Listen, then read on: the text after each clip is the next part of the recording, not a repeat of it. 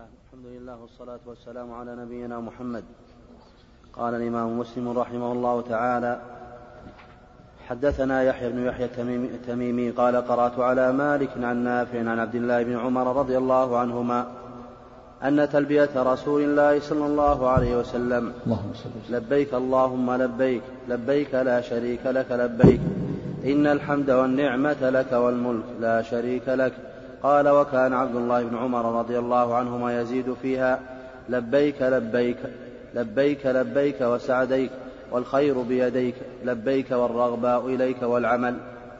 حدثنا محمد بن عباد قال حدثنا حاتم يعني ابن إسماعيل عن موسى بن عقبة عن سالم بن عبد الله بن عمر ونافع مولى ونافع مولى عبد الله وحمزة بن عبد الله عن عبد الله بن عمر رضي الله عنهما. أن رسول الله صلى الله عليه وسلم كان إذا استوت به راحلته قائمة قائمة عند مسجد ذي الحليفة أهل فقال لبيك اللهم لبيك لبيك لا شريك لك لبيك إن الحمد والنعمة لك والملك لا شريك لك. قالوا وكان عبد الله بن عمر رضي الله عنهما يقول هذه تلبية رسول الله هذه تلبية رسول الله صلى الله عليه وسلم. قال نافع كان عبد الله رضي الله عنه يزيد مع هذا لبيك لبيك وسعديك والخير بيديك لبيك والرغباء إليك والعمل. وحدثنا محمد بن مثنى قال حدثنا يحيى يعني ابن سعيد عن عبيد الله قال أخبرني نافع عن ابن عمر رضي الله عنهما قال تلقفت التلبية من في رسول الله صلى الله عليه وسلم فذكر بمثل حديثهم. وحدثني حرملة بن يحيى قال أخبرنا ابن وهب قال أخبرني يونس عن ابن شهاب قال فإن سالم بن عبد الله بن عمر أخبرني عن أبيه رضي الله عنه قال سمعت رسول الله صلى الله عليه وسلم يهل ملبدا. يقول لبيك اللهم لبيك لبيك لا شريك لك لبيك. إن الحمد والنعمة لك والملك لا شريك لك. لا يزيد على هؤلاء الكلمات. وإن عبد الله بن عمر رضي الله عنهما كان يقول كان رسول الله صلى الله عليه وسلم يركع بذي الحليفة ركعتين يركع بذي الحليفة ركعتين ثم إذا استوت به الناقة قائمة عند مسجد ذي الحليفة أهل بهؤلاء الكلمات. وكان عبد الله بن عمر رضي الله عنهما يقول كان عمر بن الخطاب رضي الله عنه يهل بإهلال رسول الله صلى الله عليه وسلم من هؤلاء الكلمات ويقول لبيك اللهم لبيك لبيك وسعديك. والخير في يديك لبيك والرغباء إليك والعمل. وحدثني بسم الله الرحمن الرحيم. الحمد لله رب العالمين. صلى الله وسلم وبارك على عبد الله ورسوله نبينا محمد وعلى آله وصحبه أجمعين. أما بعد فهذه الأحاديث فيها مشروعية التلبية للحاج والمعتمر وأنه يشرع في حقه التلبية من حين يحرم حتى يحل من إحرامه. والتلبية. هذه التلبية وهي تلبية رسول الله صلى الله عليه وسلم. لبيك اللهم لبيك. لبيك لا شريك لك لبيك. إن الحمد والنعمة لك والملك لا شريك لك. لبيك يعني إجابة بعد إجابة تثنية المبالغة والتأكيد. يعني أجيبك يا الله إجابة بعد إجابة. وأطيعك وألبي دعوتك مرة بعد بعد أخرى. تأكيد. لبيك يعني أجيبك يا الله وأستجيب لك مرة بعد مرة. لبيك اللهم اللهم يا, يا, يا اللهم. لبيك كررها للتأكيد والمبالغة لا شريك لك يعني لا شريك لك في الملك ولا شريك لك في الأسماء والصفات ولا شريك لك في العبادة. الله تعالى ليس له شريك لا في ملكه ولا في تدبيره ولا في ربوبيته ولا في أسمائه وصفاته ولا في عبادته وألوهيته. إن الحمد والنعمة لك وملك. إن الحمد والنعمة لك وملك. إن بكسر إن أفصح تكون جملة اسمية. إن الحمد يعني أنت يا الله ما لك الحمد ملكا واستحقاقا. جميع أنواع المحامد ملك لله. ويستحقها سبحانه. والنعمة جنس النعمة جنس يعني جميع النعم من الله عز وجل. فالله تعالى خلق الخلق ووجدهم من العدم ووفق المؤمنين وهداهم للإسلام وربهم بنعمه. فالنعم كلها من الله. إن الحمد لله والنعمة والملك هو سبحانه وتعالى مالك كل شيء. ليس لأحد من الأمر شيء. فالملك كله لله. قل اللهم مالك الملك. تؤتي الملك من تشاء وتنزع الملك ممن تشاء. وتعز من تشاء وتذل من تشاء. بيدك الخير. إنك على كل شيء قدير. ثم قال في في ختامها لا شريك لك. تلبية عظيمة. وكان النبي صلى الله عليه وسلم يكرر هذه التلبية يشرع الحاج تكرارها من حين يحرم حتى يحل من إحرامه. اختلف العلماء في التلبية هل هي واجبة أو شرط أو مستحبة؟ المشهور عند الجماهير أنها مستحبة. قال بعض العلماء إنها شرط لابد أن يقولها. إذا لم يقولها فلا يصح إحرامه. وقيل إنها واجب إذا تركها عليه دم. وإذا قالها مرة واحدة كفى. لكن الأفضل والمستحب للمسلم للحاج والمعتمر أن يكرر يكرر هذه التلبية. والمشروعة في كل وقت ولا سيما عند تغير الأحوال عند إقبال الليل وإدبار النهار وعند الالتقاء بالملبين وعند سمع الملبي وعند ما وإذا فعل محظورا ناسيا ينغط فلبى وهكذا في جميع الأحوال وفي أدبار الصلوات مشروعة. للمحرم لبيك اللهم لبيك لبيك لا شريك لك لبيك إن الحمد والنعمة لك والملك لا شريك لك. وإذا زاد فيها وإذا زاد عليها فلا بأس. كما فعل ابن عمر كان يزيد لبيك وسعديك لبيك والخير وسعديك والخير بيديك والرغباء إليك والعمل. كان ابن عمر يزيد في هذه الكلمات لبيك وسعديك والخير بيديك والرغباء إليك والعمل. كان بعضهم يزيد لبيك لبيك حقا حقا تعبدا ورقا. كان النبي صلى الله عليه وسلم يسمعهم يزيدون ولا ينكر عليهم. لكن الأفضل ملازمة تلبية النبي صلى الله عليه وسلم. فإن النبي صلى الله عليه وسلم يسمعهم يزيدون ولا ينكر عليهم لكنه يلزم تلبيته.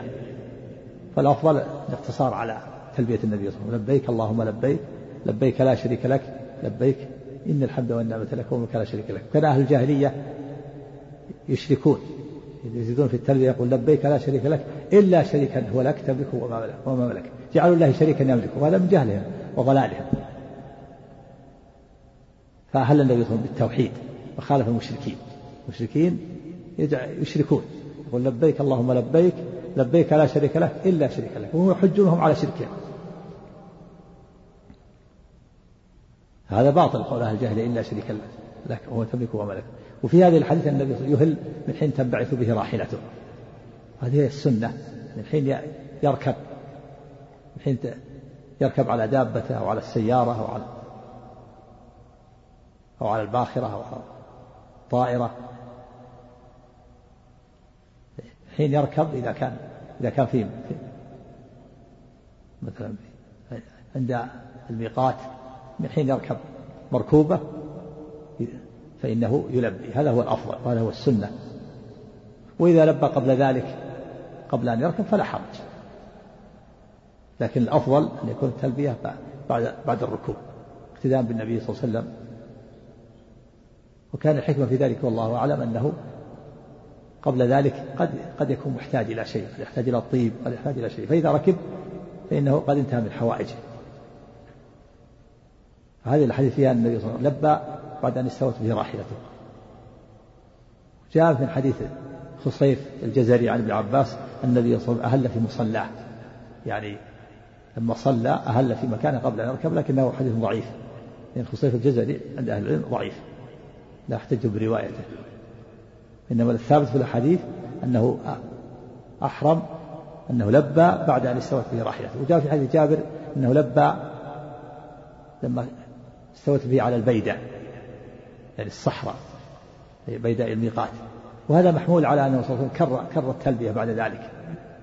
فسمعه جابر وسمع بعض الناس فظنوا أنه ابتدأ التلبية من الآن. وهو قد لبى قبل ذلك. لبى حين استوت به راحلته ثم لبى بعد ذلك على الصحراء. ثم البيدة لما استوت به على الصحراء فسمعه الناس سمعوا تلبيته. نعم.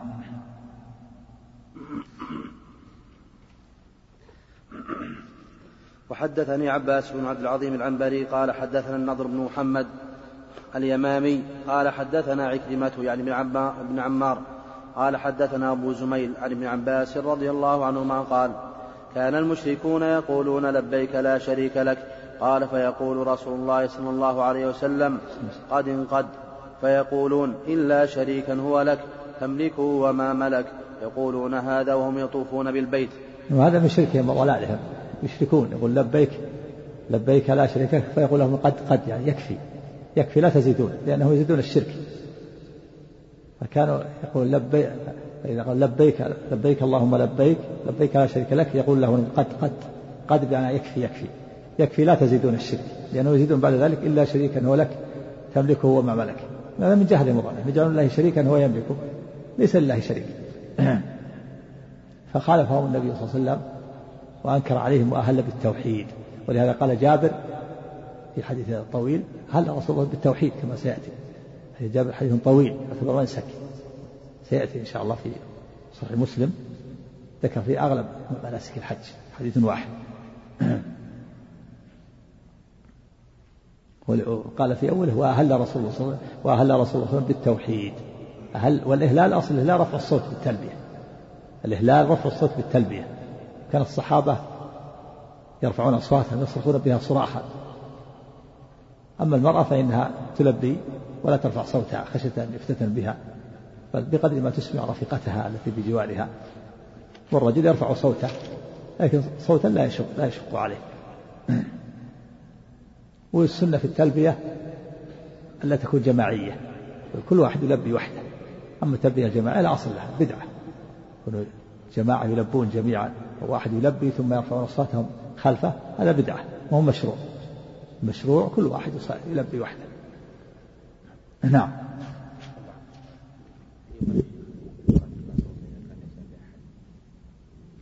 إذا لم يكن أحد؟ لا بأس. في الخيمة أو في النساء وأصواتهم لا لا حول. لأن المقصود خشية الاستتام بالصوت. نعم. نعم. نعم قريبة منها. قد قد جاء في في الحديث الآخر أنه لا تزال جهنم يلقى فيها وتقول هل من مزيد حتى يضع رب العزة فيها قدم فتقول قد قد. وفي قط قط. يعني حسبي حسبي يكفي. قد امتلأت. قريب منها. نعم. حدثنا يحيى بن يحيى قال قرأت على مالك عن موسى بن عقبة عن سالم بن عبد الله أنه سمع أباه رضي الله عنه يقول بيداؤكم هذه التي تكذبون على رسول الله صلى الله عليه وسلم فيها ما أهل رسول الله صلى الله عليه وسلم إلا من عند المسجد يعني ذا الحليفة. يعني بيداؤكم يعني مقصود ابن عمر الإنكار على ما قال النبي صلى الله عليه وسلم ما أهل أهل بالبيداء. والبيداء الصحراء. قال بيداءكم التي تكذبون المراد بالكذب الخطأ يعني تخطئون. الكذب يطلق على الإخبار بغير الواقع. ومنه قول في الحديث كذب أبو السنابل يعني أخطأ. ومنه قول النبي صلى الله عليه وسلم للرجل الذي سأله وقال إن أخاه إن أصابه إسهال في بطنه قال أسقه عسلا قال زاد الإسهال قال مرة ثانية. حتى قال في الثالثة صدق الله وكذب بطن أخيك. يعني أخطأ. الكذب يطلق على الخطأ. معنى تكذبون هذه بيداكم تكذبون يعني تخبرون بغير الواقع. وذلك أن أن بعض الناس سمعوا تلبيته وقالوا إن النبي صلى الله عليه وسلم ما لبى إلا على البيداء البيداء الصحراء. قال بيداءكم التي تكذبون يعني تخبرون بغير الواقع. ما هل رسول الله صلى الله عليه وسلم إلا من عند الشجرة حين انبعثت به راحلته؟ يعني أنه أهل بدأ تلبية من حين ركوبه. ثم بعد ذلك لبى لما كانت لما استوت على الصحراء فسمعه بعض الناس فظن أنه ابتدأ التلبية الآن. في حديث جابر أنه لبى لما به على البيداء هذا محمول على أنه كرر التلبية بعد ذلك. نعم. الله إليك. بعض الناس يقول بأنه ما يجهر في النية إلا عند النسك. هل هذا صحيح؟ أنه قال يجهر بالنية أو يجهر بال... لا, لا هذا ما هو جهر. النية ما يجهر بها مطلقة. لا في النسك ولا في غيره. كما حكى شيخ الإسلام بدعة التلفظ بالنية. الجهر بالنية مثل ما يقول بعض الفقهاء يسن يسن للمحرم أن يقول اللهم إني نويت حج بيتك الحرام فيسر لي أو اللهم إني نويت العمرة هذا الجهر بالنية هذا ما له أصل بدعة. هذا يقوله بعض المتأخرين من الحنابلة ومن غيرهم يقولون حتى يتواطأ القلب واللسان. ويستحبون أن يقول الإنسان إذا أراد أن يصلي نويت وأن أصلي خلف هذا الإمام صلاة الفجر ركعتان يقول حتى يتوضأ القلب واللسان. وهذا بدعة ما له أصل. النية محلها القلب ما في تلفظ بالنية لا في لا في الصلاة وكذلك في الصيام. بعض الناس يقول نويت وأن أصوم هذا اليوم من طلوع الفجر إلى غروب الشمس. هذا بدعة. النية محلها القلب قل تنبئون الله بدينكم. والله يعلم ما في السماوات والأرض والله بكل شيء عليم. ما يتلفظ ما يتلفظ بالنية. لكن بعض المتأخرين قال هذا استحباب حتى يتوضأ القلب واللسان. أما القدامى لم يذكروا هذا. بعض المتأخرين من أهل المذاهب. ولهذا قال بعض العلماء لو لو فتشت لو عمرت عمرا وفتشت النصوص ما وجدت دليل يدل على مسألة التلفظ بالنية. أما لبيك عمرة فهذا معناه أن تذكر نسكك في التلبية. يشرع زي يقول لبيك عمرة لبيك عمرة حجة لبيك حجة أما التلفظ بالنية ما يقول بعض الفقهاء يقول اللهم إني نويت العمرة فيسرها لي. اللهم إني نويت الحج. هذا التلفظ بالنية. هذا ليس له أصل بدعة. نعم. وحدثنا قتيبة بن سعيد قال حدثنا حاتم يعني يعني ابن إسماعيل عن موسى بن عقبة عن سالم قال كان ابن عمر رضي الله عنهما إذا قيل له الإحرام من البيداء قال البيداء التي تكذبون فيها على رسول الله صلى الله عليه وسلم. ما أهل رسول الله صلى الله عليه وسلم إلا من عند الشجرة حين قام به, به بعيره. نعم يعني ابتدأ من هنا. أما التكذيب يعني تكفير بغير الواقع. وأصل الإهلاء رفع الصوت بالتلبية ومنه رفع الصوت عند استهلال المولود ورفع الصوت عند رؤية الهلال. نعم. وحدثنا يحيى بن يحيى قال قرأت على مالك عن سعيد بن عن سعيد بن أبي سعيد المقبري عن عبيد بن جريج أنه قال لعبد الله بن عمر رضي الله عنهما يا أبا عبد الرحمن رأيتك تصنع أو لا رأيتك تصنع اربعا لم ارى أحدا من أصحابك يصنعها. قال ما هن يا ابن جريج؟ قال رأيتك لا تمس من الأركان إلا اليمانيين ورأيتك تلبس النعال السبتية. السبتية.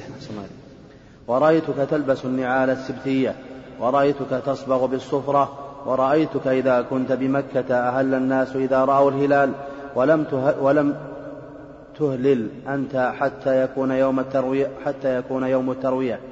فقال عبد الله بن عمر أما الأركان فإني لم أرى رسول الله صلى الله عليه وسلم يمس إلا اليمانيين. وأما النعال السبتية فإني رأيت رسول الله صلى الله عليه وسلم يلبس النعال التي ليس فيها شعر ويتوضأ فيها فأنا أحب أن ألبسها.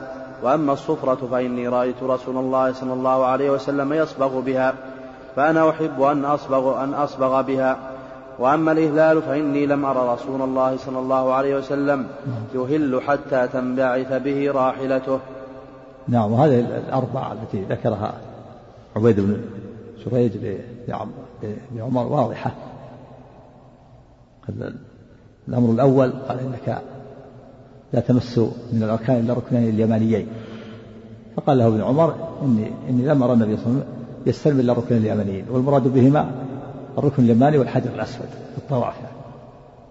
أما الركنان الآخران الشامي والعراقي فلا يستلمهما. كان النبي يستلم الركن اليماني والركن الأسود.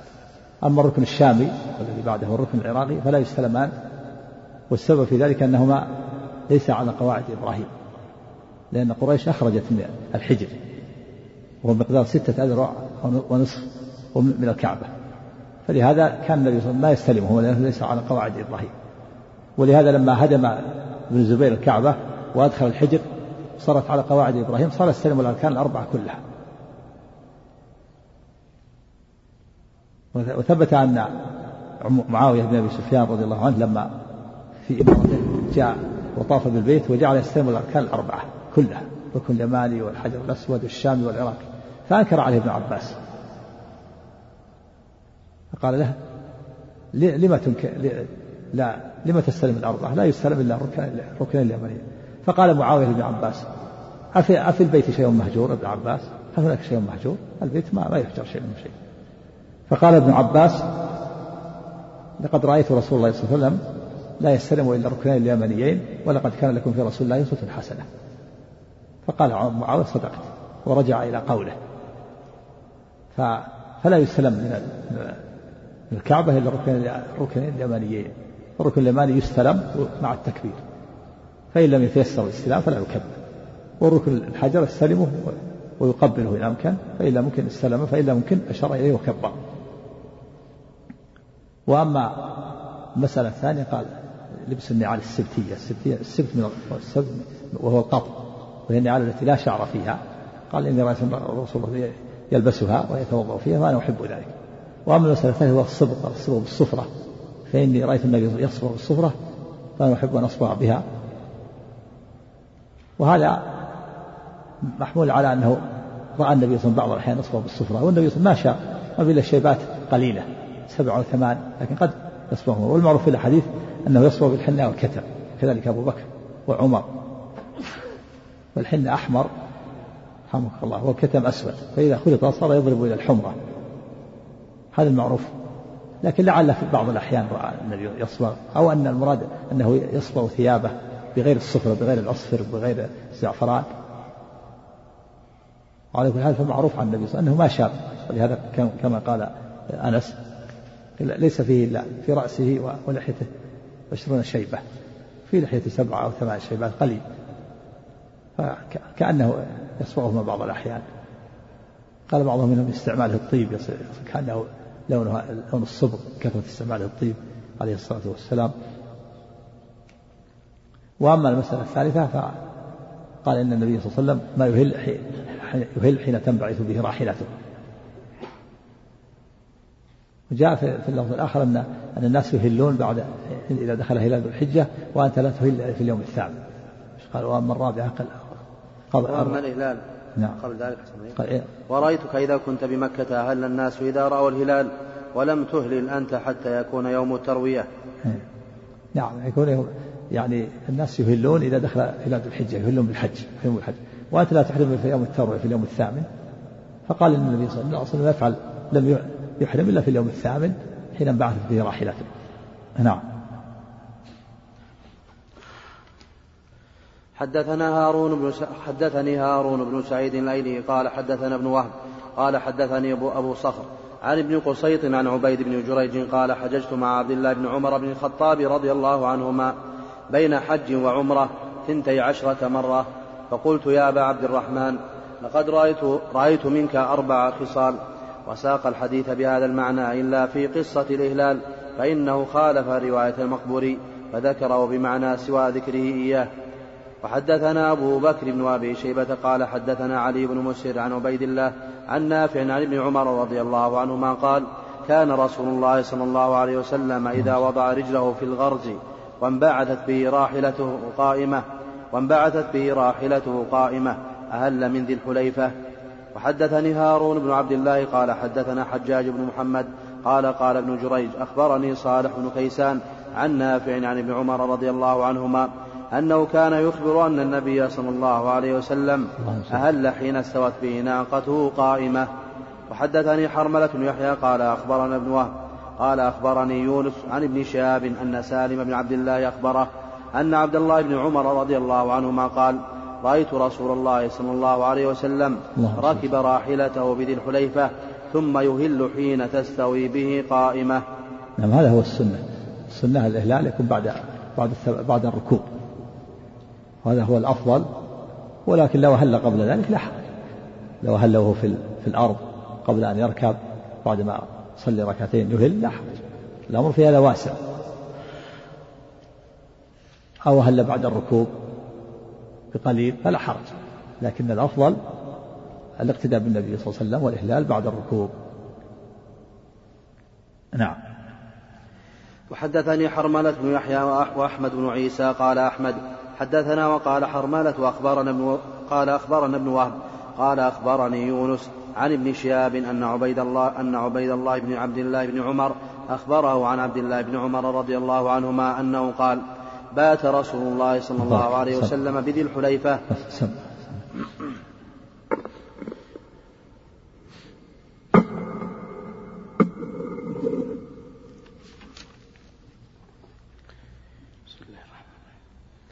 وقال حدثني حرملة بن يحيى وأحمد بن عيسى. قال أحمد حدثنا قال أحمد قال حدث قال أحمد حدثنا وقال حرملة أخبرنا ابن وهب. قال أخبرني يونس عن ابن شهاب أن عبيد الله بن عبد الله بن عمر. أن عبيد الله. أن قاعدة, في لفظ الجلالة إذا سبقه فتحة وضمة يفخم عبيد الله.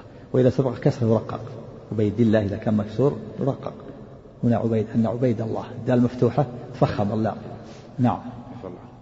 أن عبيد الله بن أن عبيد الله بن عبد الله بن عمر أخبره عن عبد الله بن عمر رضي الله عنهما. عبد الله هذه الثانية مرققة لأن قبلها كسر. عبد الله. والأولى عبيد الله مفخمة نعم. عن عبد الله بن عمر رضي الله عنهما أنه قال بات رسول الله صلى الله عليه وسلم بذي الحليفة. نعم أنه بات رسول الله صلى الله عليه وسلم بذي الحليفة مبدأه وصلى في مسجدها. وقال حدثنا محمد بن عباد قال أخبرنا سفيان عن الزهري عن عروة عن عائشة رضي الله عنها قالت طيب رسول الله صلى الله طيبت رسول الله صلى الله عليه وسلم لح- لحرمه حين أحرم ولحله قبل أن يطوف بالبيت. وقال هذا مش... حدث هذا مشروع. في مشروعية تطيب في في في وقتين. وقت ال- الإحلال قبل أن يحرم. لحله قبل أن يحرم ولحرمه قبل أن يطوف البيت. وال- وال- والوقت الثاني إذا حل من إحرامه. يوم العيد. إذا رمى جمرة العقبة وحلق رأسه يسن له أن يتطيب. فيتطيب في في حالة الحالة الأولى قبل الإحرام قبل أن يحرم والثانية بعد أن يتحلل من إحرامه.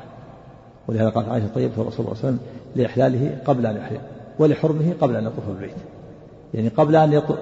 قبل أن يحرم يسن أن يتطيب وبعد أن يتحلل من إحرامه يوم العيد يسن أن يتطيب قبل أن يطوف بالبيت. وكان الحكم في ذلك والله أعلم أنه طال مكثه في في الإحرام.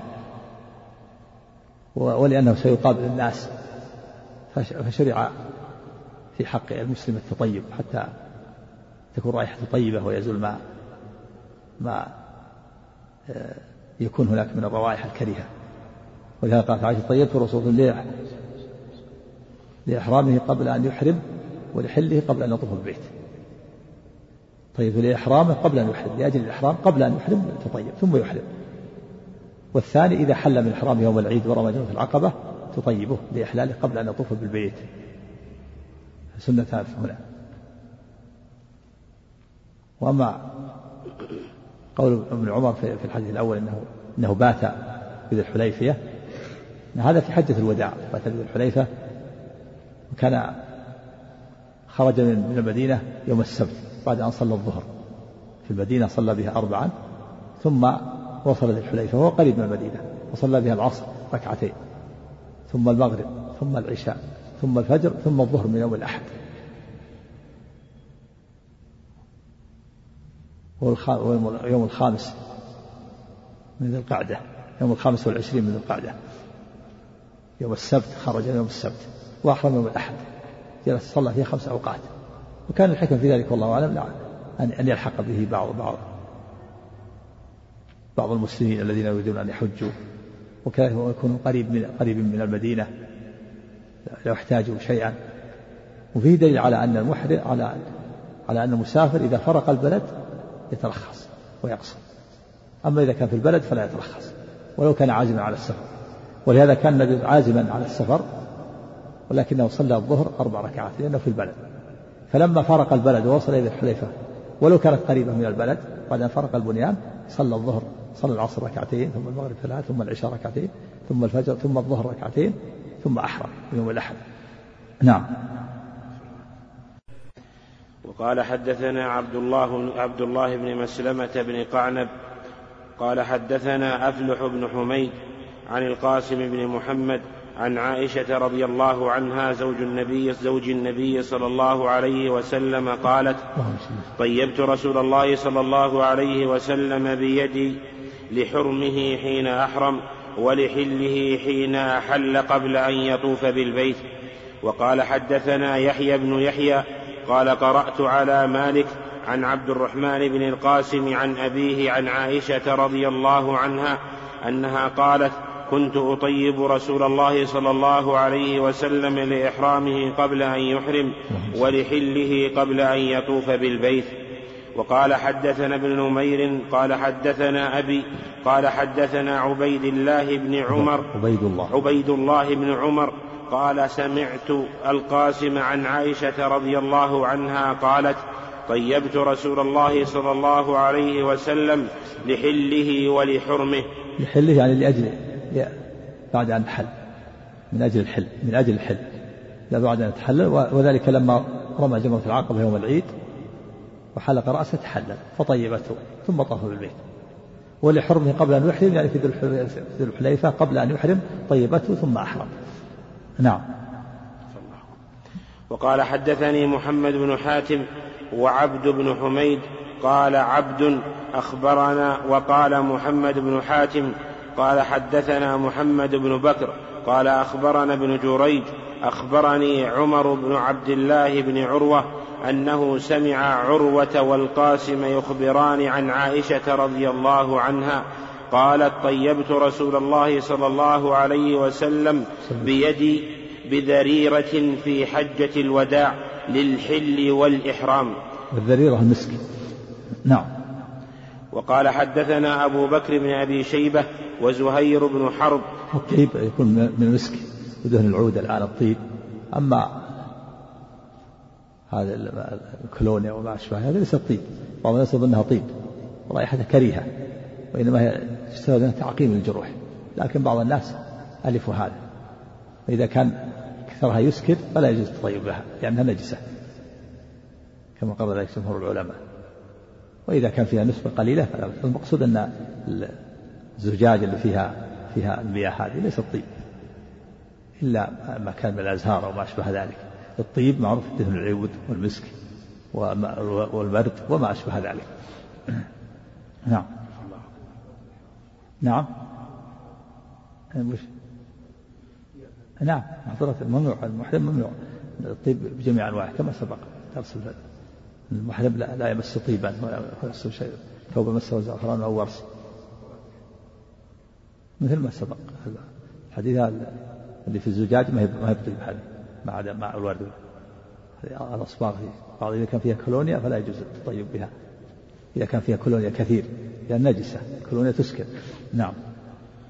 وقال حدثنا أبو بكر بن أبي شيبة وزهير بن حرب جميعا عن ابن عيينة قال زهير قال حدثنا سفيان قال حدثنا عثمان بن عروة عن أبيه قال سألت عائشة رضي الله عنها بأي شيء طيبت رسول الله صلى الله عليه وسلم عند حرمه قالت بأطيب الطيب.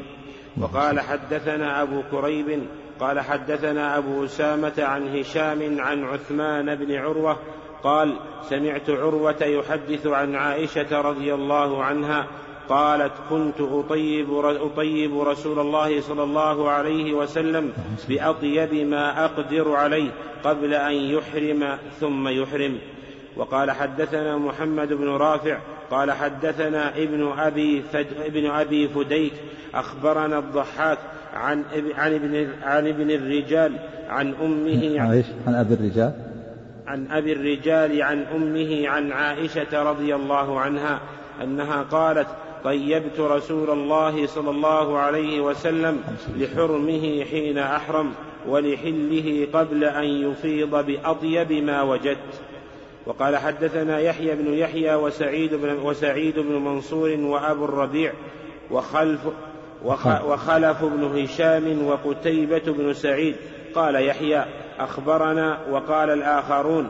قال حدثنا حماد بن زيد عن منصور عن إبراهيم بن إبراهيم بن الأسود عن عائشة رضي الله عنها قالت كأني أنظر إلى وبيص الطيب في مفرق رسول الله صلى الله عليه وسلم وهو محرم.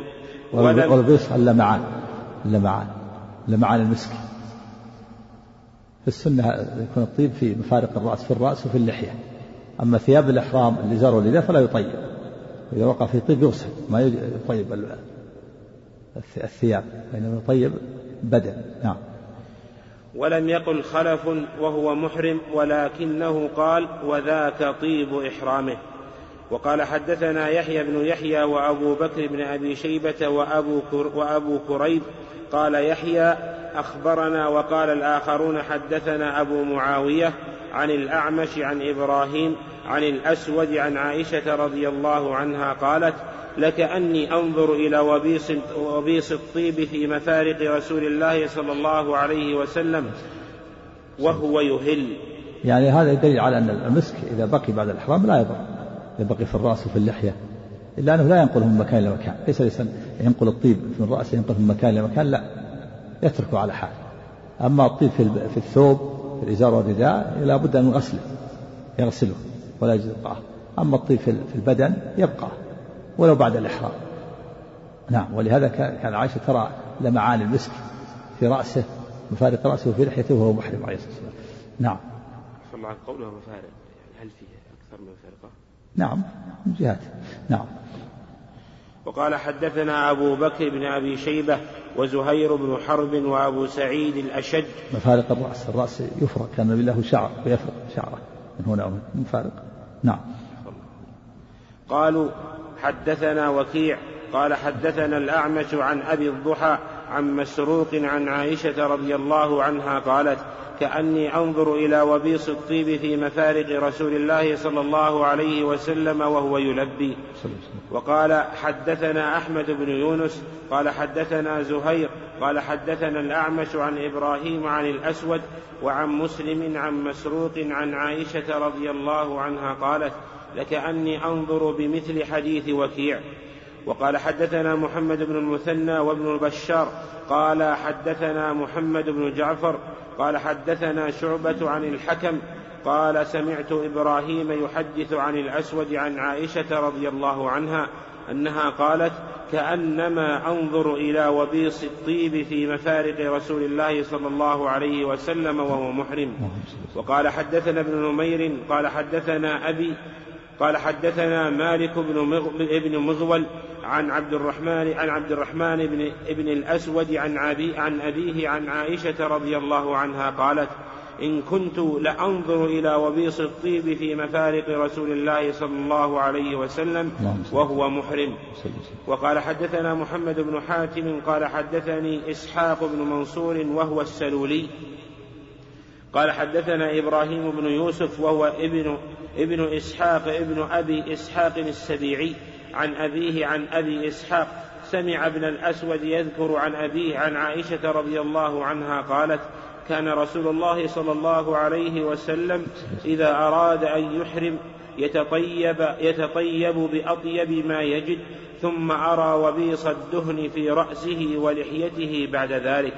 وقال حدثنا قتيبة بن سعيد قال حدثنا عبد الواحد بن زياد عن الحسن بن عبيد الله قال حدثنا إبراهيم عن الأسود قال قالت عائشة رضي الله عنها كأني أنظر إلى وبيص المسك في مفرق رسول الله صلى الله عليه وسلم وهو محرم. وقال حدثنا إسحاق بن إبراهيم أخبرنا قال أخبرنا الضحاك بن مخلد قال أبو عاصم حدثنا سفيان عن الحسن بن عبيد الله بهذا الإسناد مثله.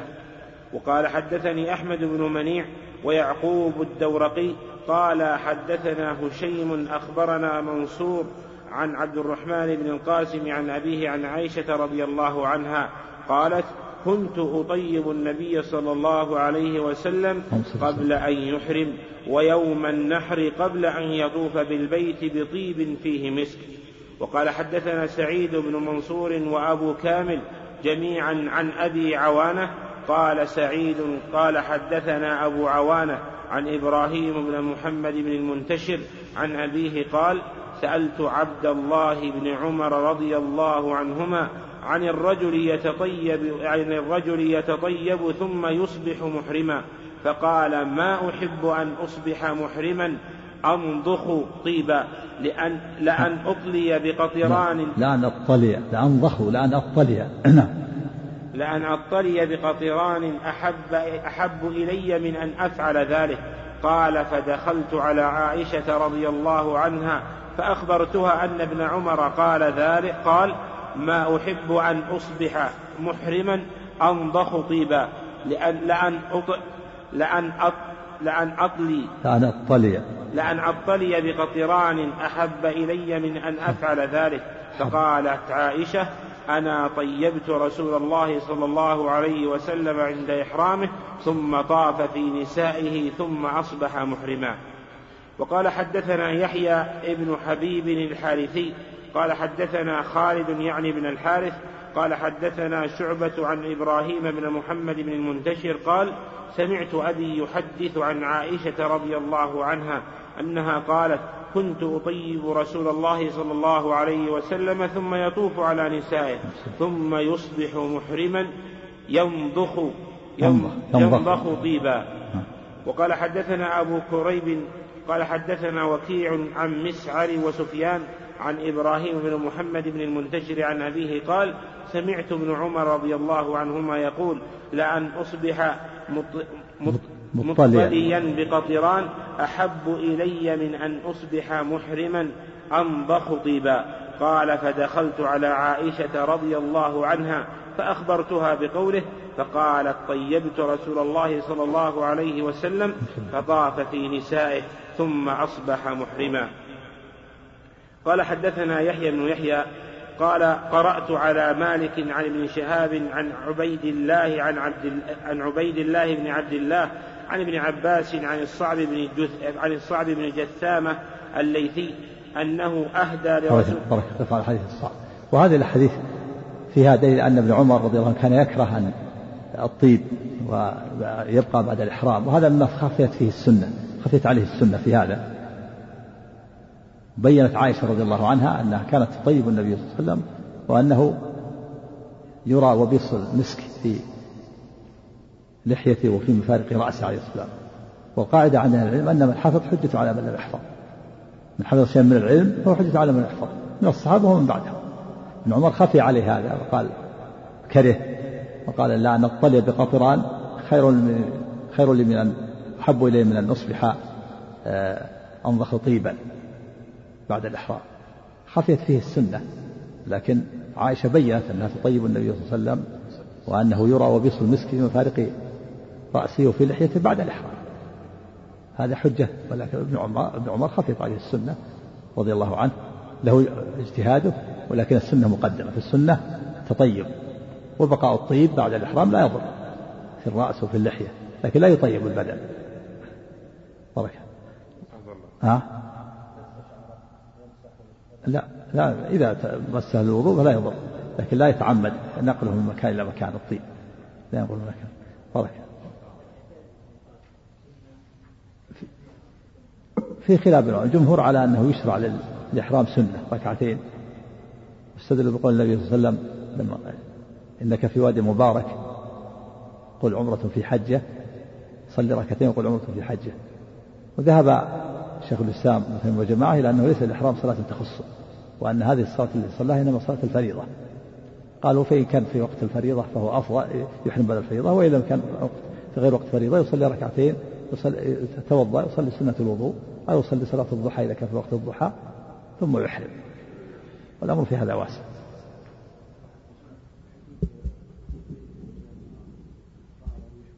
نعم. نعم لا بأس صحيح. لأن المرأة ما ينبغي أن يخرج لها رائحة قد تضر وتؤثر على الرجال. بركة في اليوم الأربعاء إن شاء الله نستمر فيها صحيح مسلم. ما تبقى من مادة هذا الشريط فتابعونها في الشريط التالي.